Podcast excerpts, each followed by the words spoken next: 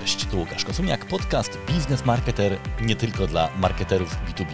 Dziś opowiem o ośmiu sposobach na zwiększenie sprzedaży albo utrzymanie istniejących klientów z wykorzystaniem marketing automation. Serdecznie zapraszam.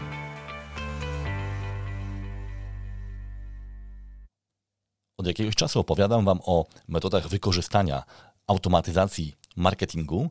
Jest ich dosyć dużo i ja zazwyczaj dzielę je na etapy procesu decyzyjnego, bo pewnie jeżeli słuchacie tego podcastu, to wiecie już, że automatyzację marketingu można wykorzystać na bardzo wczesnych etapach już procesu decyzyjnego klienta, na przykład budowaniu bazy. Tak naprawdę pewnie możliwości automatyzacji marketingu możemy wykorzystać wtedy, kiedy mamy bazę klientów i już sam proces budowania tej bazy możemy świetnie obsłużyć tymi właśnie narzędziami.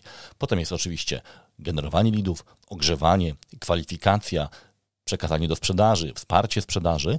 No i dziś właśnie opowiemy sobie o tym etapie, można powiedzieć, końcowym, a dla niektórych początkowym, czyli utrzymanie, upsell, cross-sell, zwiększenie wartości klienta. Muszę powiedzieć, że pomysł albo taki impuls do nagrania e, dostałem od e, Rafała Polewskiego, który e, śledzi nasz podcast. Rafał, pozdrawiam Cię. Obiecałem Ci, że Cię pozdrowię, jak będę nagrywał ten, y, ten odcinek, bo to między innymi dzięki Tobie zdecydowałem się wreszcie ten odcinek nagrać. A o czym ja y, dziś powiem? Będziemy mówili nie tylko o lojalizacji naszych klientów, bo to jest bardzo szerokie pojęcie, ale generalnie będziemy mówili o tym, co zrobić, jak wykorzystać automatyzację marketingu wtedy, kiedy klienta, można powiedzieć, już mamy, ale no, w wielu biznesach nie chodzi tylko i wyłącznie o to, żeby sprzedać i zapomnieć, ale bardzo często są to biznesy wręcz w 100% odnawialne. Ale nawet gdzie tak nie jest, gdzie ten model nie jest jeszcze subskrypcyjny, otrzymanie klienta, y, zwiększenie wartości z tego klienta zazwyczaj jest bardzo opłacalne. Ja tutaj posłużę się kilkoma y, badaniami, które sobie y, wypisałem. I tak firma e-Consultasy w 2013 roku obliczyła, że utrzymanie klienta jest pięć razy tańsze niż pozyskiwanie nowego klienta. Chodzi o koszt pozyskania klienta, czyli wszystkie te działania, które są e, na to zaprojektowane, czyli e, o wiele łatwiej jest nam generować wartość z istniejących klientów. Znowu e, w, takich, w takim raporcie pana Byrona Sharpa i doktora Charlesa Grahama oni udowadniają, że ta reguła Pareto, może nie idealna, taka 20-80, ale 20-60 działa też e, w sprzedaży, czyli 20% klientów robi zazwyczaj 60% sprzedaży w wielu biznesach B2B. To jest oczywiście pewna średnia. To jest kolejny argument za tym, żeby jednak dbać o tych klientów, których już mamy, oprócz pozyskiwania e, nowych. I w takiej książce Marketing Metrics jest dosyć dużo generalnie bardzo ciekawych y, współczynników i, i, takich właśnie raportów a propos y, efektywności sprzedaży, ale mnie zainteresowały bardzo takie statystyki, które mówią o tym, że prawdopodobieństwo sprzedaży, szansa sprzedaży do nowych klientów, średniając oczywiście w B2B, to jest około 5 do 20%. Jeżeli mamy jakiś, jakiegoś wczesnego lida, to około 5-20% tych, tych, tych, tych lidów zamieni się potem w naszych klientów. E, natomiast jeśli mówimy o obecnej bazie, oczywiście oni to warunkują odpowiednim utrzymaniem tej bazy klientów, to wtedy to prawdopodobieństwo rośnie nam do 60-70%. Czyli mówiąc krótko, no jest o co walczyć. Tu jeszcze specjalnie dla firm software as a service, no bo to jest taki specyficzny przykład klienta, który musi ciągle sprzedawać. Tak? Tam sprzedaż zaczyna się sekundę po zamknięciu poprzedniej sprzedaży, bo my musimy przekonać tego klienta, że trzeba odnowić, że warto odnowić e, licencję czy, czy umowę. I tutaj e, Joel York, e, taki analityk i przedsiębiorca właśnie związany z rynkiem SaaS, mówi o tym właśnie, że y, takie zarządzalne podejście do upsellu i cross-sellu w, właśnie w SaaSie powoduje, że profitowość tego biznesu może wzrosnąć nawet o 15%, co rzeczywiście no, już nie są to kwoty, wobec których można przejść obojętnie. Czyli generalnie można powiedzieć, warto to robić, warto dbać o tych klientów, których już mamy. No i teraz w takim razie zastanówmy się, y, co zrobić, jak wykorzystać automatyzację marketingu, żeby faktycznie e, ci klienci z nami pozostali e, i żeby więcej od nas kupowali i żeby odnawiali. Więc y, Pierwszy scenariusz, bo będę pokazywał Wam takie pomysły, które nazywamy często scenariuszami, y, to jest y, działanie na klientach, którzy w jakiś sposób y, no, zmniejszają zainteresowanie naszymi produktami, tak zwana reaktywacja. To może być albo na przykład zauważalny spadek sprzedaży na jednej kategorii albo na produkcie, albo generalnie zanik transakcji na kliencie, albo na przykład jakaś sytuacja, która wskazuje na to, że klient być może kupuje u konkurencji. I znowu narzędzia marketing automation mogą nam się przydać nie tylko w komunikacji do tego klienta, ale też w wychwyceniu tych anomalii, bo my możemy sobie e, wypracować pewne współczynniki, ja o nich za chwilę będę mówił przy, przy cross-sellu i upsellu, e, ale możemy widzieć na przykład, że dany klient miesięcznie kupuje za daną kwotę i nagle od jakiegoś czasu ta kwota zakupów jest coraz mniejsza. To jest dla nas wyraźny sygnał, że jeżeli rynek nie spada, czyli inni się zachowują inaczej, to być może właśnie tam jest konkurencja. Więc system marketing automation może właśnie, możemy zdecydować sobie o tym, że jeżeli, to jest warunek, jeżeli sprzedaż spada, to zbuduj segment tych klientów, którym, e, czy partnerów, którym sprzedaż spada i na przykład w pierwszej kolejności wyślij do nich prostą ankietę. Dlaczego? Czasem warto zapytać. Bardzo możliwe, że okazuje się, okaże się, że klient, na przykład konkurencja ma lepszą, lepszą ofertę. Y, równolegle, albo jeżeli na przykład zorientujemy się, że rzeczywiście konkurencja intensyfikuje działania, my możemy do tego segmentu, czyli stworzymy sobie, tworzyć sobie grupę tych klientów czy partnerów i tylko do tego segmentu skierować y, kampanię remarketingową, czyli zwiększyć widoczność na przykład naszych produktów. No bo często jest na przykład tak, że konkurencja twierdzi, że ma jakiś lepszy produkt albo że ma jakąś funkcjonalność, a u nas tego nie widać. Więc wtedy, jeżeli na przykład mamy już jakiś taki insight z tej ankiety, możemy uznać, że to jest ten moment, kiedy trzeba trochę intensywniej do tych klientów komunikować jakieś wartości czy jakieś tam przekazy. Tymi procesami może się zająć właśnie system y, marketing automation. No jeżeli to nie pomaga, to być może jest moment na to, żeby zaproponować jakieś działanie typu rabat y, albo punkty lojalnościowe. Znowu precyzyjnie zbudowany segment właśnie w oparciu o to y, zauważone zjawisko spadku sprzedaży na przykład na danej kategorii powoduje, że my tych kodów rabatowych nie rozdajemy na prawo i lewo do wszystkich, którzy być może nie potrzebują takiego motywatora, a tylko do tych, gdzie widzimy, że jest jakiś problem.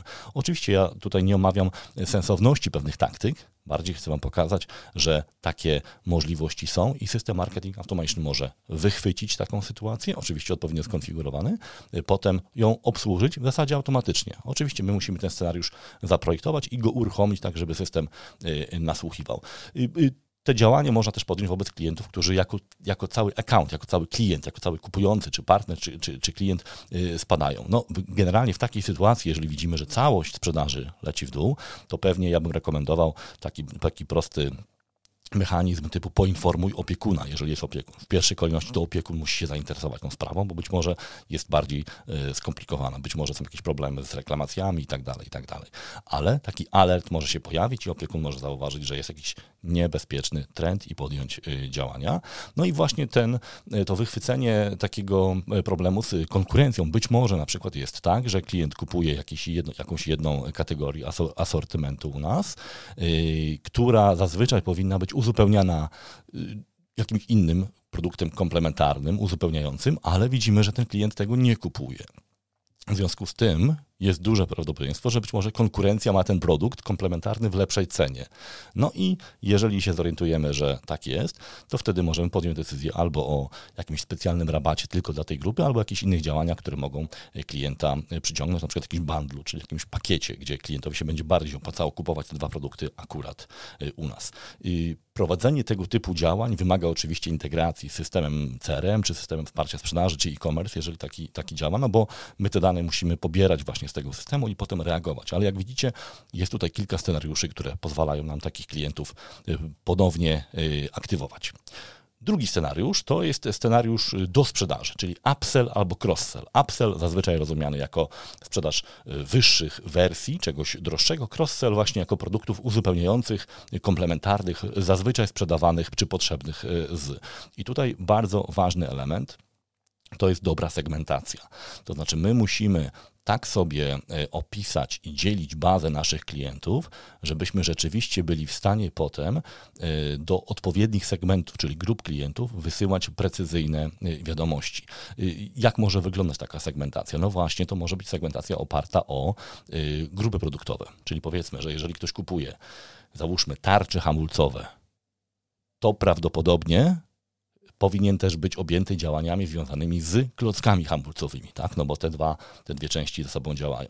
Y, czy jeżeli ktoś na przykład, nie wiem, kupuje y, jakieś y, usługi, które wymagają, nie wiem, odnowienia albo uzupełnienia, to te dwa segmenty powinny być y, zbudowane. I jeżeli na przykład widzimy, że ktoś kupił, powiedzmy, tarczę hamulcową, ale nie kupuje klocków hamulcowych, albo jest na przykład warsztat, który, który tak, tak działa, y, to wtedy rzeczywiście możemy sobie z pewnym prawdopodobieństwem zwiększyć sprzedaż serwując tam czy to więcej informacji, czy być może proponując jakiś kod rabatowy dla właśnie dla tej, dla tej grupy. Natomiast, żeby to miało sens, żeby to rzeczywiście było wartościowe, to my musimy sobie oprócz e, tej segmentacji zbudować jeszcze pewne, ja to nazywam współczynniki albo benchmarki, czyli takie wyliczenia. Na przykład średnia sprzedaż danej kategorii produktów miesięcznie, powiedzmy, jeżeli to jest na przykład jakiś dealer, to ile on sprzedaje tych klocków hamulcowych, czyli ile on sprzedaje tych, e, nie wiem, opraw elektrycznych do na przykład jakiejś budowy gdzieś tam w, w sektorze przemysłowym. I wtedy, jeżeli ta, w tym, ten klient wychodzi z tego benchmarku, jeżeli w górę, to oczywiście się cieszymy, czyli sprzedaje więcej, a jeżeli y, kupuje y, od nas mniej, no to wtedy my możemy już właśnie włączyć taki alert, czyli system będzie nasłuchiwał y, i sprawdzał, czy miesięczne zakupy tego klienta nie wychodzą poza, poza pewien zakres. Jeżeli spadają poniżej pewnego zakresu, to my możemy podjąć jakieś tam działania. mogą to być działania zautomatyzowane, czyli już coś robimy, ale możemy też na przykład po prostu przyjrzeć się tej kategorii klientów. Być może wymagana jest nie automatyczna akcja, ale jakaś taka analiza. Y, wtedy system będzie służył tylko jak ten system do alertowania. On oczywiście może na przykład wysłać informacje z promocją i tak dalej, ale nie zawsze to ma sens. Tutaj zawsze trzeba to, y, trzeba to y, rozważyć. Więc budowanie tych benchmarków, średnia sprzedaż, średni zakup, jakieś wzrosty sezonowe, to też jest ważne, bo bardzo często jest tak, że pewne produkty sprzedaje się sezonowo, tak one, ich sprzedaż spada albo rośnie sezonowo. Jeżeli na przykład przychodzi sezon, sprzedaż powinna wzrosnąć, ale nie rośnie, to prawdopodobnie mamy jakiś, jakąś sytuację albo konkurencji, albo być może właśnie no, klient ma, czy, czy nasz partner, który odsprzedaje, potem ma jakieś problemy z, z, zamówieniami. Być może trzeba się temu przyjrzeć. Jeżeli ma opiekuna, to pewnie opiekun powinien się temu przyjrzeć y, w pierwszej kolejności. No i oczywiście te wszystkie y, zależności, czyli właśnie zależności związane y, między, zależności między produktami, czyli produkty komplementarne, tak? Jeżeli mamy produkty, które zazwyczaj sprzedaje się razem, tak jak te tarcze i klocki. Mam nadzieję, że tutaj fachowcy zgodzą się z tym, że taka zależność występuje. To y, my powinniśmy właśnie takie, takie, takie, takie bandle, takie grupy sobie y, budować. Y, często jest tak właśnie, że my wiemy o tym, że zazwyczaj, jeżeli ktoś kupuje tego typu produkt, powiedzmy, jeżeli ktoś kupuje, załóżmy, nowe pamięci do komputera, to bardzo możliwe jest, że będzie też wymieniał dysk powiedzmy. I wtedy też powinniśmy go objąć taką kampanię właśnie y, cross-sellową, bo y, o ile nam się wydaje oczywiste, że w naszym sklepie czy w naszej ofercie te produkty są, o tyle klient po prostu może po pierwsze tego nie wiedzieć, po drugie nie zauważyć, po trzecie mieć jakąś inną ofertę, która go objęła, jakąś kampanię reklamową. I wtedy my musimy też tą informację przekazać. Tutaj bardzo ważne jest to, żebyśmy nie zakładali, że, to, że skoro mamy w asortymencie, to klient o tym wie bo bardzo możliwe, że ta informacja po prostu do niego nie dotarła, albo został sformatowany przez inne działanie naszej konkurencji. W związku z tym musimy się przebić przez ten szum informacyjny i y, no, wskazać bardzo wyraźnie tą, y, tę propozycję. I tutaj oczywiście możemy wykorzystać już y, w momencie, kiedy mamy już tę analizę, to tak naprawdę mechanizmy w marketing automation są bardzo proste, czyli tak naprawdę w momencie, kiedy następuje pewna akcja, czyli system wykonuje alert, że w danym segmencie są osoby, które kupiły dużo tarcz ale nie kupują klocków, na przykład właśnie y, serwisy samochodowe, to do tego segmentu wysyłamy właśnie jakąś tam informację z promocją, kodem rabatowym czy jakimś innym y, działaniem. Więc pamiętajcie, że te, te współczynniki, one głównie ba bazują na y, danych, które już mamy, albo jeżeli jeszcze tych danych nie mamy, to tak naprawdę musimy sobie pewne tezy postawić. Czyli bardzo prawdopodobne jest, że ludzie, którzy kupują właśnie nie wiem, fotele gamingowe, powiedzmy, że to nie jest B2B, ale to będą kupowali też monitory gamingowe, załóżmy, tak? Jeżeli ktoś, powiedzmy, kupuje jakąś, powiedzmy, maszynę do skrawania, to bardzo możliwe, że ta firma będzie też potrzebowała chociażby olejów, y, y, różnych y, czynników smarnych i tak dalej, i tak. Więc wiedza o biznesie, wiedza o potrzebach klienta też pozwoli nam te zależności zdefiniować, no i potem tak naprawdę skonfigurować system, który będzie szukał zmiennych w, w postaci e, sprzedaży. Oczywiście mamy tutaj, mówiliśmy o cross-sellu, czyli wymianie pomiędzy produktami. No i jest ten scenariusz też upsellu, czyli sprzedaży produktów premium, sprzedaży produktów albo wyższej wartości, albo do sprzedaży pewnych komponentów, czy też usług do istniejących y, tańszych klientów. I tutaj bardzo ważny element, ponieważ technicznie to jest dosyć proste, to znaczy my po prostu znowu budujemy sobie pewną matrycę, taki schemat, że jeżeli ktoś kupił produkt w wersji y, light, to po pół roku używania zaproponujmy produkt w wersji y, premium. Natomiast to nie jest wystarczające, bo my jeszcze musimy zadbać o to, żeby klient zrozumiał wartość tej wersji premium. I tu jest właśnie klucz. W tym najbardziej pomaga system marketing automation, bo jeżeli wiemy na przykład, że 30% użytkowników wersji light, tej tańszej naszego produktu, naszym zdaniem kwalifikuje się do wersji premium, ale z niej nie skorzystało, to my powinniśmy te parę miesięcy poświęcić na to, żeby po pierwsze oni zrozumieli wartość tej wersji premium. Czyli zanim zaoferujemy im jakiś deal, rabat, trial i tak dalej, to powinniśmy poświęcić trochę czasu na to, żeby pokazać, co oni zyskają jeżeli będą używali te, te bardziej rozbudowane funkcje, kupią trochę droższą usługę, jakąś bardziej rozbudowaną umowę. To jest miejsce dla marketing automation. I tutaj oczywiście sekwencyjne działania, y, zaproszenia na webinary, y, być może jakieś szkolenia, jakaś certyfikacja, oczywiście remarketing po to, żeby y, te osoby cały czas gdzieś tam były w obszarze naszego oddziaływania i dopiero jeżeli widzimy na przykład, że część z tych osób reaguje, klika, rejestruje się, wchodzi na webinary i tak dalej, do tych osób możemy skierować już bardziej sprzedażowe y, działania, bo ja zauważyłem, dosyć często się to zdarza, że y, w takich y, sytuacjach, kiedy mamy ten potencjał tego upsellu, to jest tak naprawdę taki prosty automat. Kupił tanie, poczekaj miesiąc, proponuj mu drogie. No i potem jest informacja, że to nie działa. No to nie działa, no bo ten klient kupił taniej, być może jest zadowolony z tego taniego, więc teraz trzeba mu pokazać, co on, ona jeszcze może zyskać, mając te droższe, bardziej rozbudowane produkty i dopiero później, jeżeli widzimy jakiś ślad zainteresowania, wtedy spróbować ten komunikat bardziej, e, bardziej sprzedażowy. Więc pamiętajcie o tym proszę, bo e, taka prosta, e, taki prosty mechanizm, jeżeli ma tani, to kupi drogi, nie działa. No to byłoby tak, że jeżeli do każdego nabywcy malucha moglibyśmy wysłać reklamę Mercedesa i, i wierzyć, że oni to kupią. No tak nie jest, prawda? Tutaj u nas w biznesie podobnie.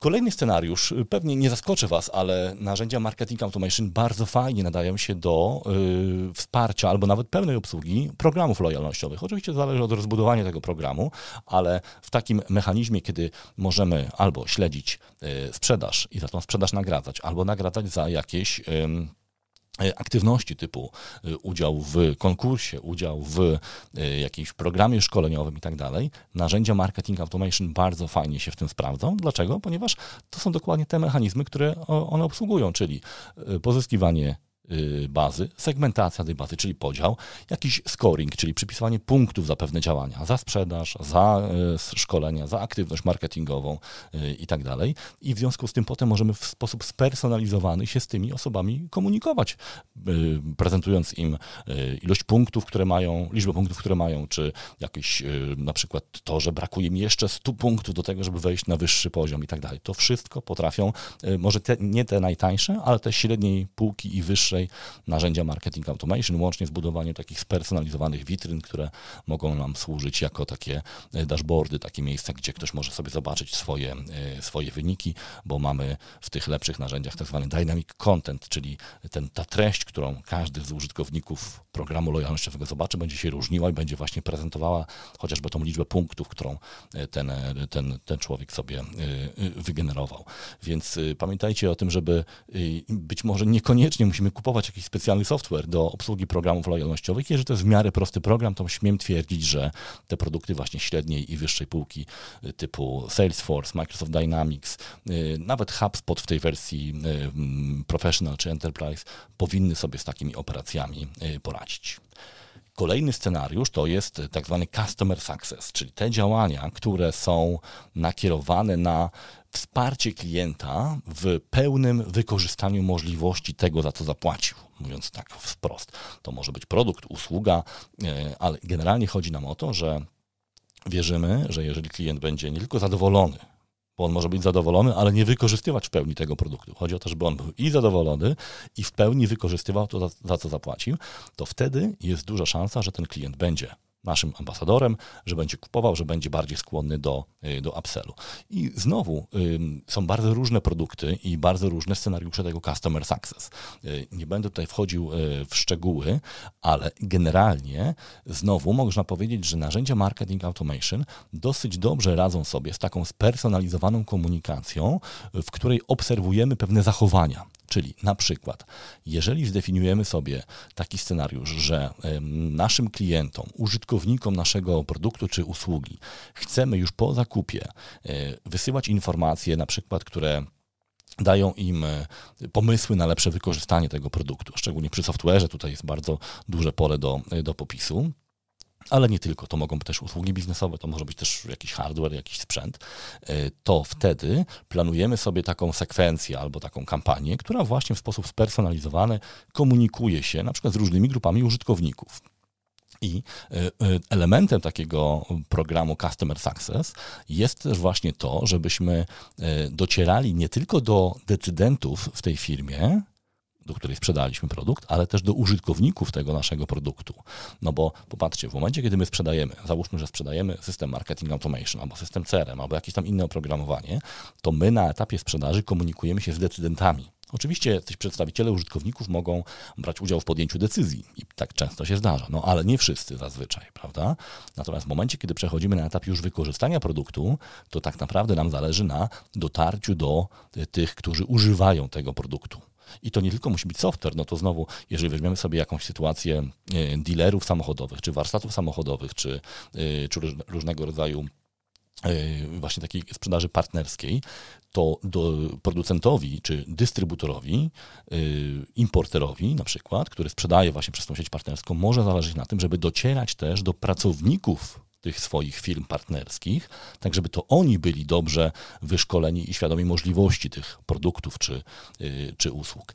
I wtedy można właśnie zaproponować pewne działania, chociażby szkoleniowe, czy certyfikacyjne, czy właśnie konkursy, czy programy lojalnościowe, czy aktywizacyjne, gdzie nagradzamy yy, już użytkowników ale tak naprawdę na pierwszym etapie zależy nam na tym, żeby do nich po prostu dotrzeć, żeby mieć ich adresy e-mail.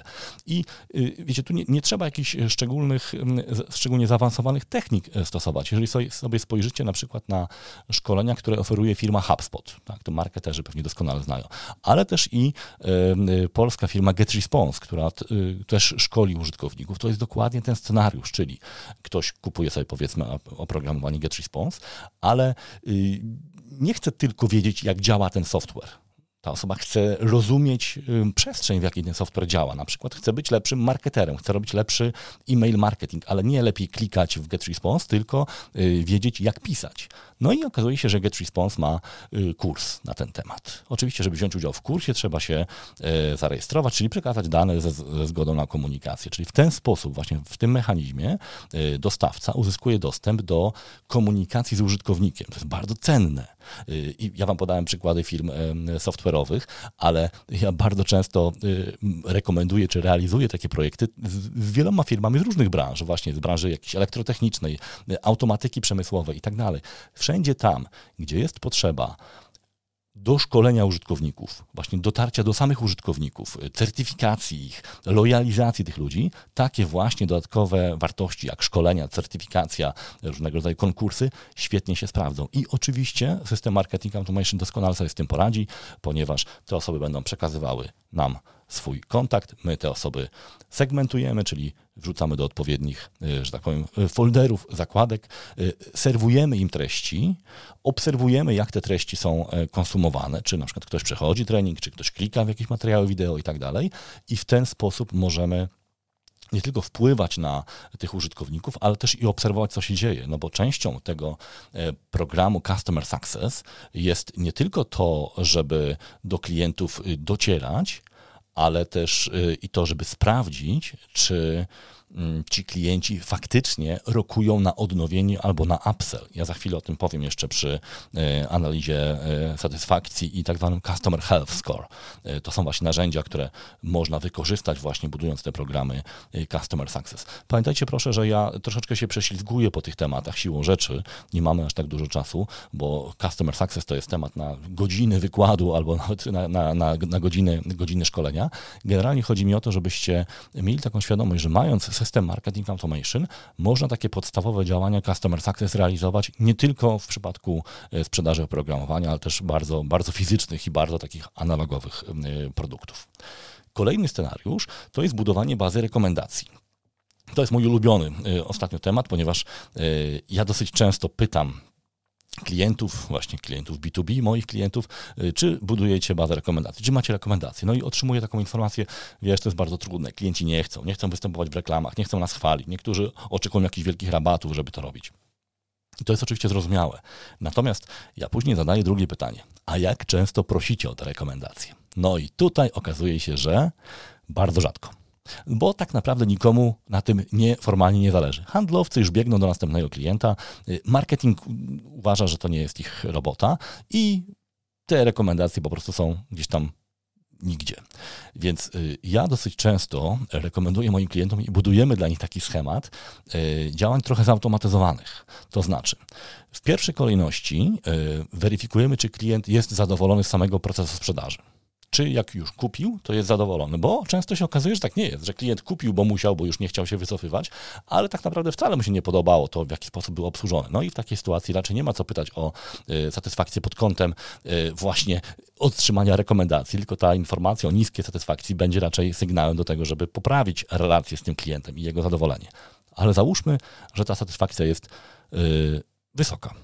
W związku z tym właśnie pierwszy, pierwsze działanie automatyczne, jakie się dzieje, to jest wysłanie tego zapytania o e, satysfakcję klienta. No i jeżeli powiedzmy ustalimy sobie, że budujemy sobie segment klientów, których zadowolenie jest na poziomie powiedzmy 80%, to do nich właśnie wysyłamy prośbę, zaczynamy się komunikować w sprawie y, rekomendacji. I tutaj można zastosować różne metody. To może być taka wiadomość wysłana bezpośrednio do klienta, czyli na przykład z działu marketingu.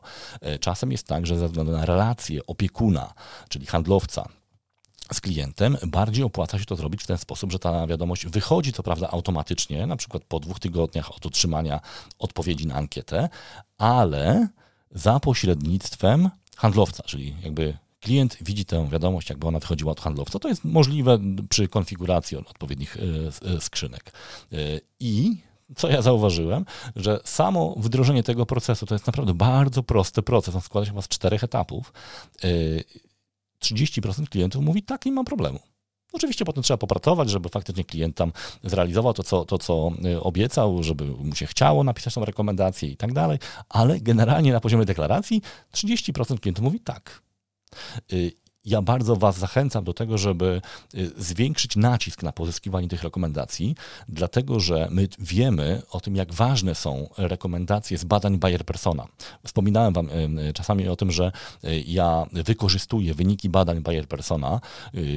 Ja współpracuję z firmą Yuka, która takie badania przeprowadza i w tych badaniach często właśnie pytamy o to, jakie są źródła informacji, jak, jak ważne są poszczególne źródła informacji. Tam się przewija taki taki właśnie schemat, e, kiedy klienci mówią o tym, że na stronie oprócz oczywiście informacji o produktach, często właśnie o cenach też, której też w B2B często nie ma, oni szukają rekomendacji. Informacji o tym, czy wy wdrożyliście coś, sprzedaliście tego typu e, produkt czy usługę klientom podobnym do mnie.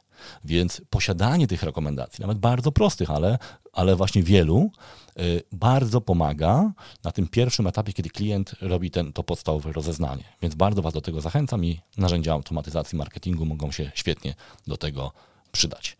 Idziemy dalej. Y, właśnie ta analiza satysfakcji. Ona może być częścią wielu różnych procesów, ale y, w tym przypadku skupimy się powiedzmy właśnie na tym procesie customer success, czy też analizy tego, czy klient z nami zostanie, czy z nami nie zostanie. I teraz y, narzędzia marketing automation w zasadzie są zaprojektowane do tego, żeby tego typu ankiety y, prowadzić. Oczywiście nie każdy system ma wbudowaną ankietę. E, ja, y, ponieważ mam okazję korzystać z systemu Microsoftu, to tam jest taka, y, taka integracja, czyli Customer Voice, to jest taka specjalna aplikacja. Trochę, jeżeli używacie Formsa, na przykład Microsoftowego, to ten Customer Voice trochę jest oparty na, to, na tej technologii właśnie Forms, ale jest bardziej rozbudowany, właśnie ma te wszystkie mechanizmy takiej analityki i właśnie system Marketing Automation, czyli Customer Engagement Microsoftu y, jest połączony z y, Customer Voice, więc możemy wysyłać ankiety, bardzo rozbudowane, ale też bardzo proste i na bieżąco je analizować. I teraz jaki ja scenariusz Wam y, rekomenduję? Bardzo zwracam uwagę na to, żebyście nie robili badania satysfakcji na przykład raz czy dwa razy w roku. Dlaczego? No bo klienci nie kupują nigdy tego samego dnia że wszyscy klienci nie kupują tego samego dnia. Czyli jeżeli ja widziałem takie procesy, nawet pracowałem w firmie, która takie procesy prowadziła. Załóżmy, że klient kupił albo odnowił umowę 1 y, stycznia tego roku, a y, badanie prowadzimy zawsze powiedzmy 30 grudnia. W związku z tym ten klient, który kupił 1 stycznia, będzie zapytany o satysfakcję w zasadzie po roku, to jest oczywiście skrajny przypadek, ale on może, jest możliwy do wystąpienia. E, a inni klienci będą zapytani przykład po dwóch tygodniach, po dwóch miesiącach, po sześciu miesiącach. I teraz zdajcie sobie sprawę z tego, że zupełnie inaczej klient ocenia produkt czy usługę po jednym dniu od zakupu i po jednym roku od zakupu prawda? Więc y, to, to jest bez sensu. Znaczy tego typu zbieranie informacji nie bardzo ma sensu. Oczywiście można w ten sposób analizować relacje z wieloletnimi partnerami na przykład, czyli jeżeli powiedzmy y, ja jestem dostawcą jakiegoś oprogramowania czy jakieś rozwiązania i y, partnerzy ze mną współpracują od kilku lat, to ja mogę raz na rok rzeczywiście ich zapytać o ich satysfakcję. Ale tak naprawdę jeśli chodzi o klientów, to lepiej jest to robić w sposób dynamiczny, czyli właśnie po wystąpieniu jakiegoś faktu. Czyli na przykład, jeżeli wiemy, że e, klient zakończył wdrożenie, powiedzmy 1 stycznia, to my powiedzmy po miesiącu od zakończenia wdrożenia, czy tam po dwóch tygodniach, możemy każdego z nich y, zapytać o właśnie zadowolenie z tego wdrożenia. I teraz bardzo ważny element jest też taki, żeby te ankiety nie były zbyt długie, ich może być więcej, ale muszą być bardzo proste. To znaczy, bardzo istotne jest to, żeby klient wiedział dokładnie, y, co ocenia. Bo jeżeli go zapytamy po prostu o zadowolenie ze współpracy z nami, to może się okazać, że on z jednego obszaru jest zadowolony, z innego nie.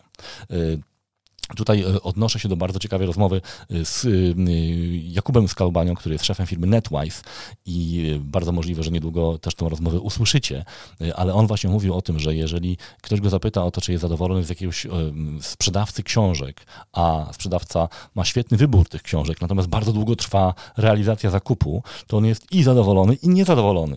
Zadowolony jest z tego, że ma duży wybór, a niezadowolony z tego, że proces długo trwa. Więc właśnie zamiast pytać zadawać jedno e, pytanie na temat ogólny, warto jest tych ankiet, e, te ankiety umieścić w różnych punktach styku tak zwanych i pytać o to, co klient akurat w tej chwili e, czego doświadcza. Czyli jeżeli on właśnie, nie wiem, zamknął koszyk, albo zamknęła się sprzedaż, albo zamknęła się wdrożenie, albo zamknęło się szkolenie, to pytajmy konkretnie o to, a nie ogólnie, bo te ogólne informacje niewiele, niewiele dają. A właśnie system marketing automation połączone z ankietami, bo ten system nie musi mieć wbudowanej ankiety systemy ankietowe się bardzo często integrują z różnymi narzędziami marketing automation, więc nie ma z tym żadnego problemu. Taki system ankietowy może, system marketing automation może tą ankietę wysyłać y, do właśnie dynamicznie, czyli jeżeli klient jest właśnie po zakończeniu szkolenia, to zapytajmy go o szkolenie. Jeżeli jest po zakończeniu wdrożenia, zapytajmy go o wdrożenie. I wtedy my te informacje zbieramy na bieżąco i możemy właśnie w ten sposób wyciągać e, pewne wnioski, które potem możemy na przykład wykorzystać właśnie do tego, że tych zadowolonych pytamy o rekomendacje, a nie zadowolonych chociażby przesyłamy do jakiegoś specjalnego segmentu, w którym będziemy analizować ich y, no, przyczyny tego niezadowolenia.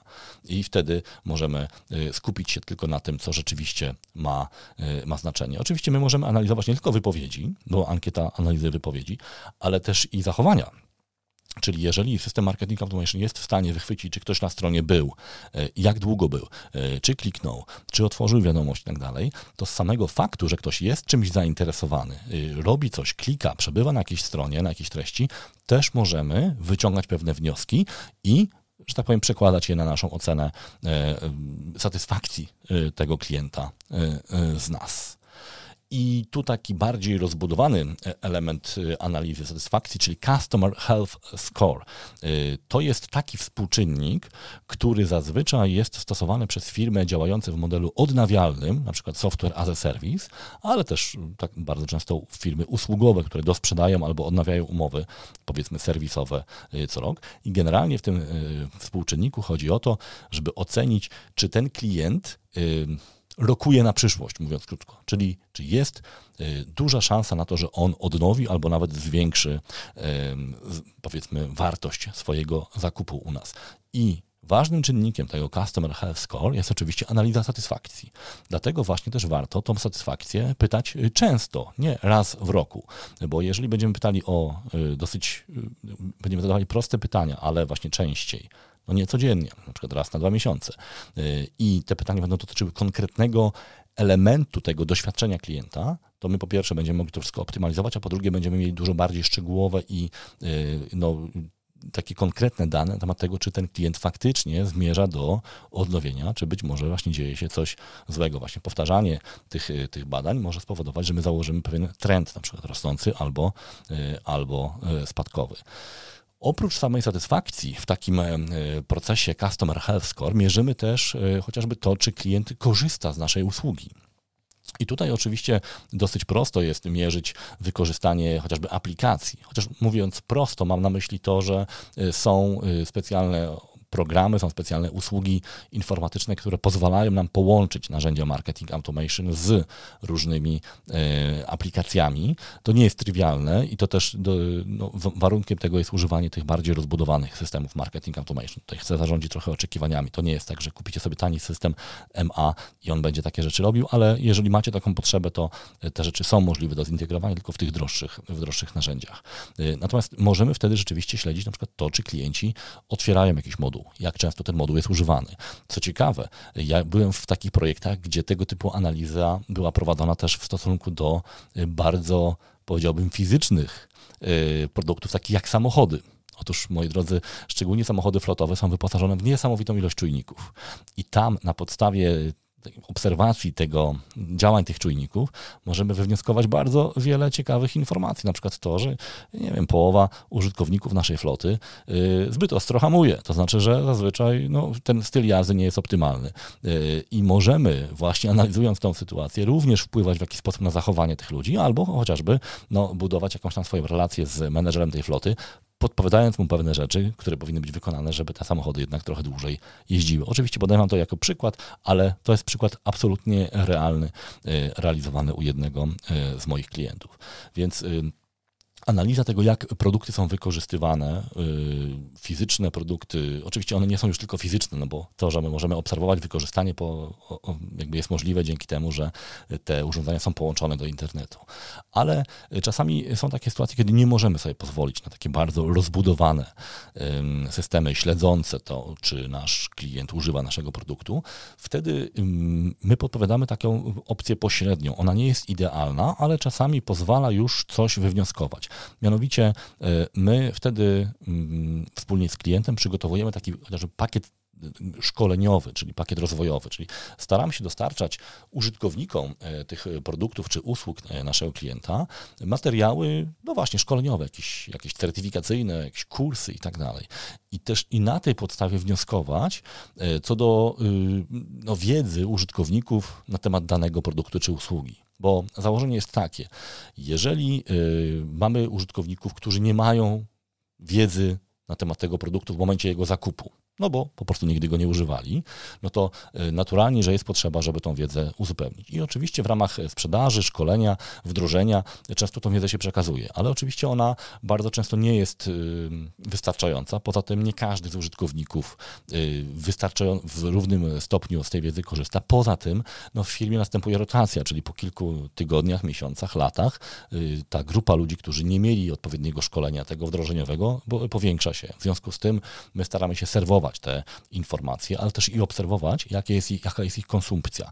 I tutaj nie trzeba żadnych dodatkowych modułów. Wystarczy, że wykorzystujemy te naturalne możliwości narzędzi marketing automation, czyli analiza tego, kto otworzył stronę, kto otworzył maila, kto kliknął, kto zdobył jakieś punkty za, na przykład za, za szkolenie i tak dalej. I na tej podstawie Możemy w sposób indywidualny na przykład prowadzić jakieś tam konkursy czy działania aktywizacyjne, nagradzać tych najbardziej aktywnych, ale też zbierać informacje zbiorczo na poziomie całej firmy, oceniając, że w tej firmie na przykład 45% y, użytkowników ma wystarczającą wiedzę na temat produktu oczywiście według naszej oceny, ale w drugiej to już tylko 20%. W związku z tym, y, jeżeli to jest ten sam czas mniej więcej od wdrożenia, to powinniśmy y, już tutaj zwrócić uwagę szczególną na tą firmę, gdzie jest tylko 20%, ponieważ y, no to będzie wpływało w przyszłości na mniejsze zadowolenie, ponieważ ktoś nie będzie potrafił wykorzystać produktu czy usługi, e, większą ilość zapytań serwisowych, prawda, czyli zwiększy koszty po naszej stronie, no i oczywiście też spadnie prawdopodobieństwo odnowienia w przypadku, gdyby na przykład klientowi zależało na tym, żeby przed odnowieniem usługi zapytać o opinię e, pracowników czy użytkowników.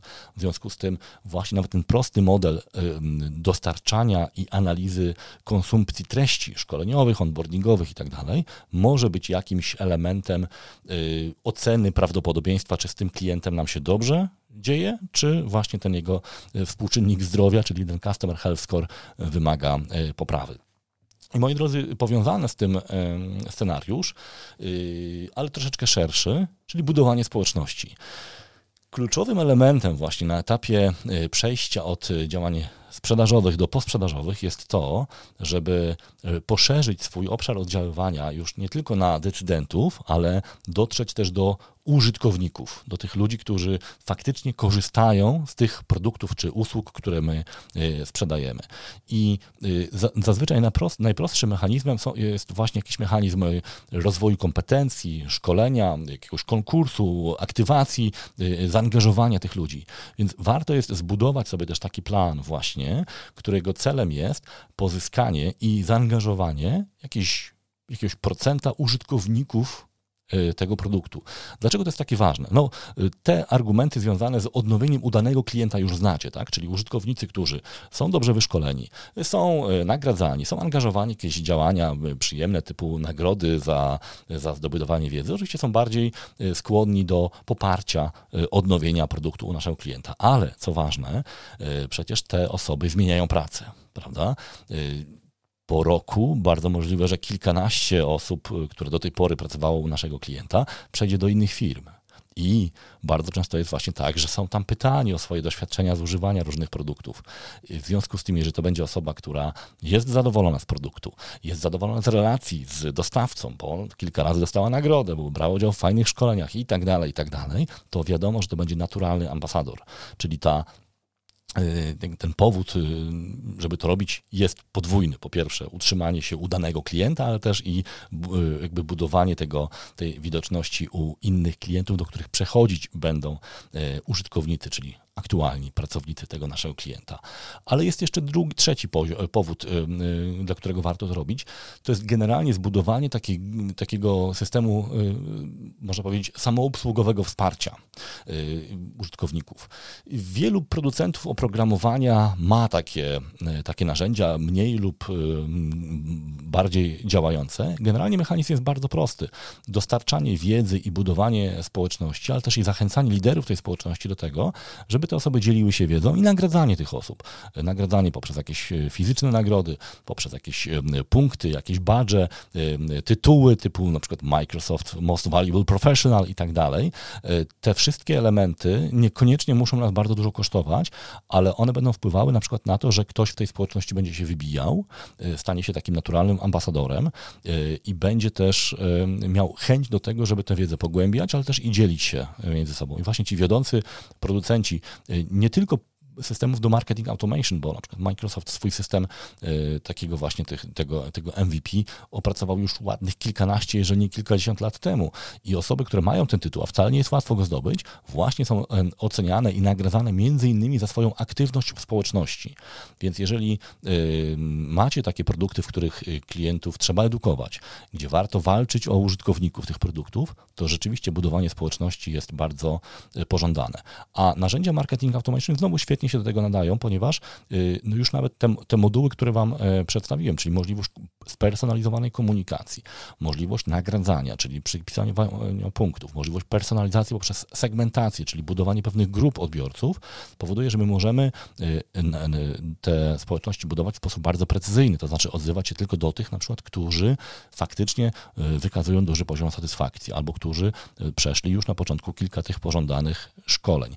I wtedy te osoby są zapraszane społeczności. Społeczność może nie być jakaś bardzo duża, ale jest jakościowa. I ta jakość to tego, że ci ludzie mają podobne zainteresowania, podobny poziom wiedzy, podobne e, problemy chcą rozwiązywać, ona tych ludzi trzyma ze sobą. Oni się wymieniają wiedzą, nawiązują się pewne e, relacje, często bardzo bliskie nawet i e, ta społeczność zaczyna żyć. Oczywiście trzeba też uważać na to, żeby ta społeczność była odpowiednio zadbana, ponieważ ona może potem stać się czymś w rodzaju takich związków zawodowych w ramach organizacji, czyli mieć swoje żądania, mieć swoje oczekiwania. I oczywiście to bardzo często jest przydatne, ponieważ takie osoby wskazują na realne problemy. Natomiast my musimy dbać o to, żeby to rzeczywiście ta społeczność była, y, y, żeby ten związek tej społeczności z naszą firmą y, no, cały czas był.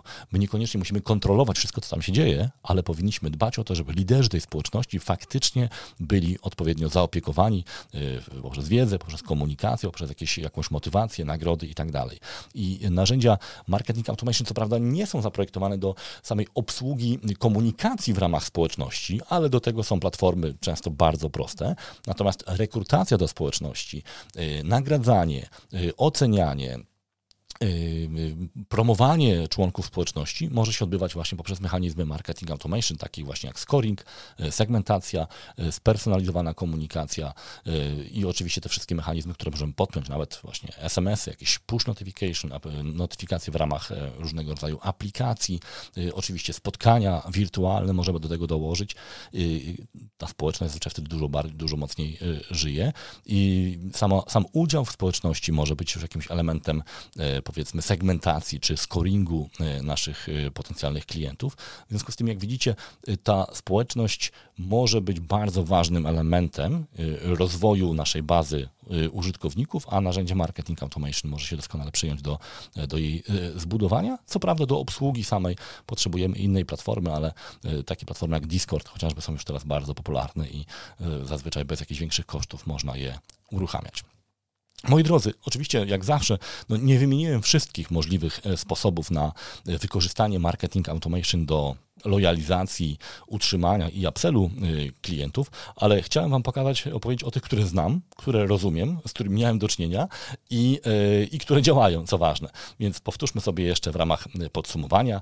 Mamy właśnie reaktywację klientów, mamy cross-sell, upsell, Mamy działania w ramach programów lojalnościowych, mamy działania Customer Success, mamy budowanie bazy rekomendacji, analizę satysfakcji, y, utrzymywanie tego współczynnika Customer Health Score na wysokim poziomie i wreszcie budowanie społeczności.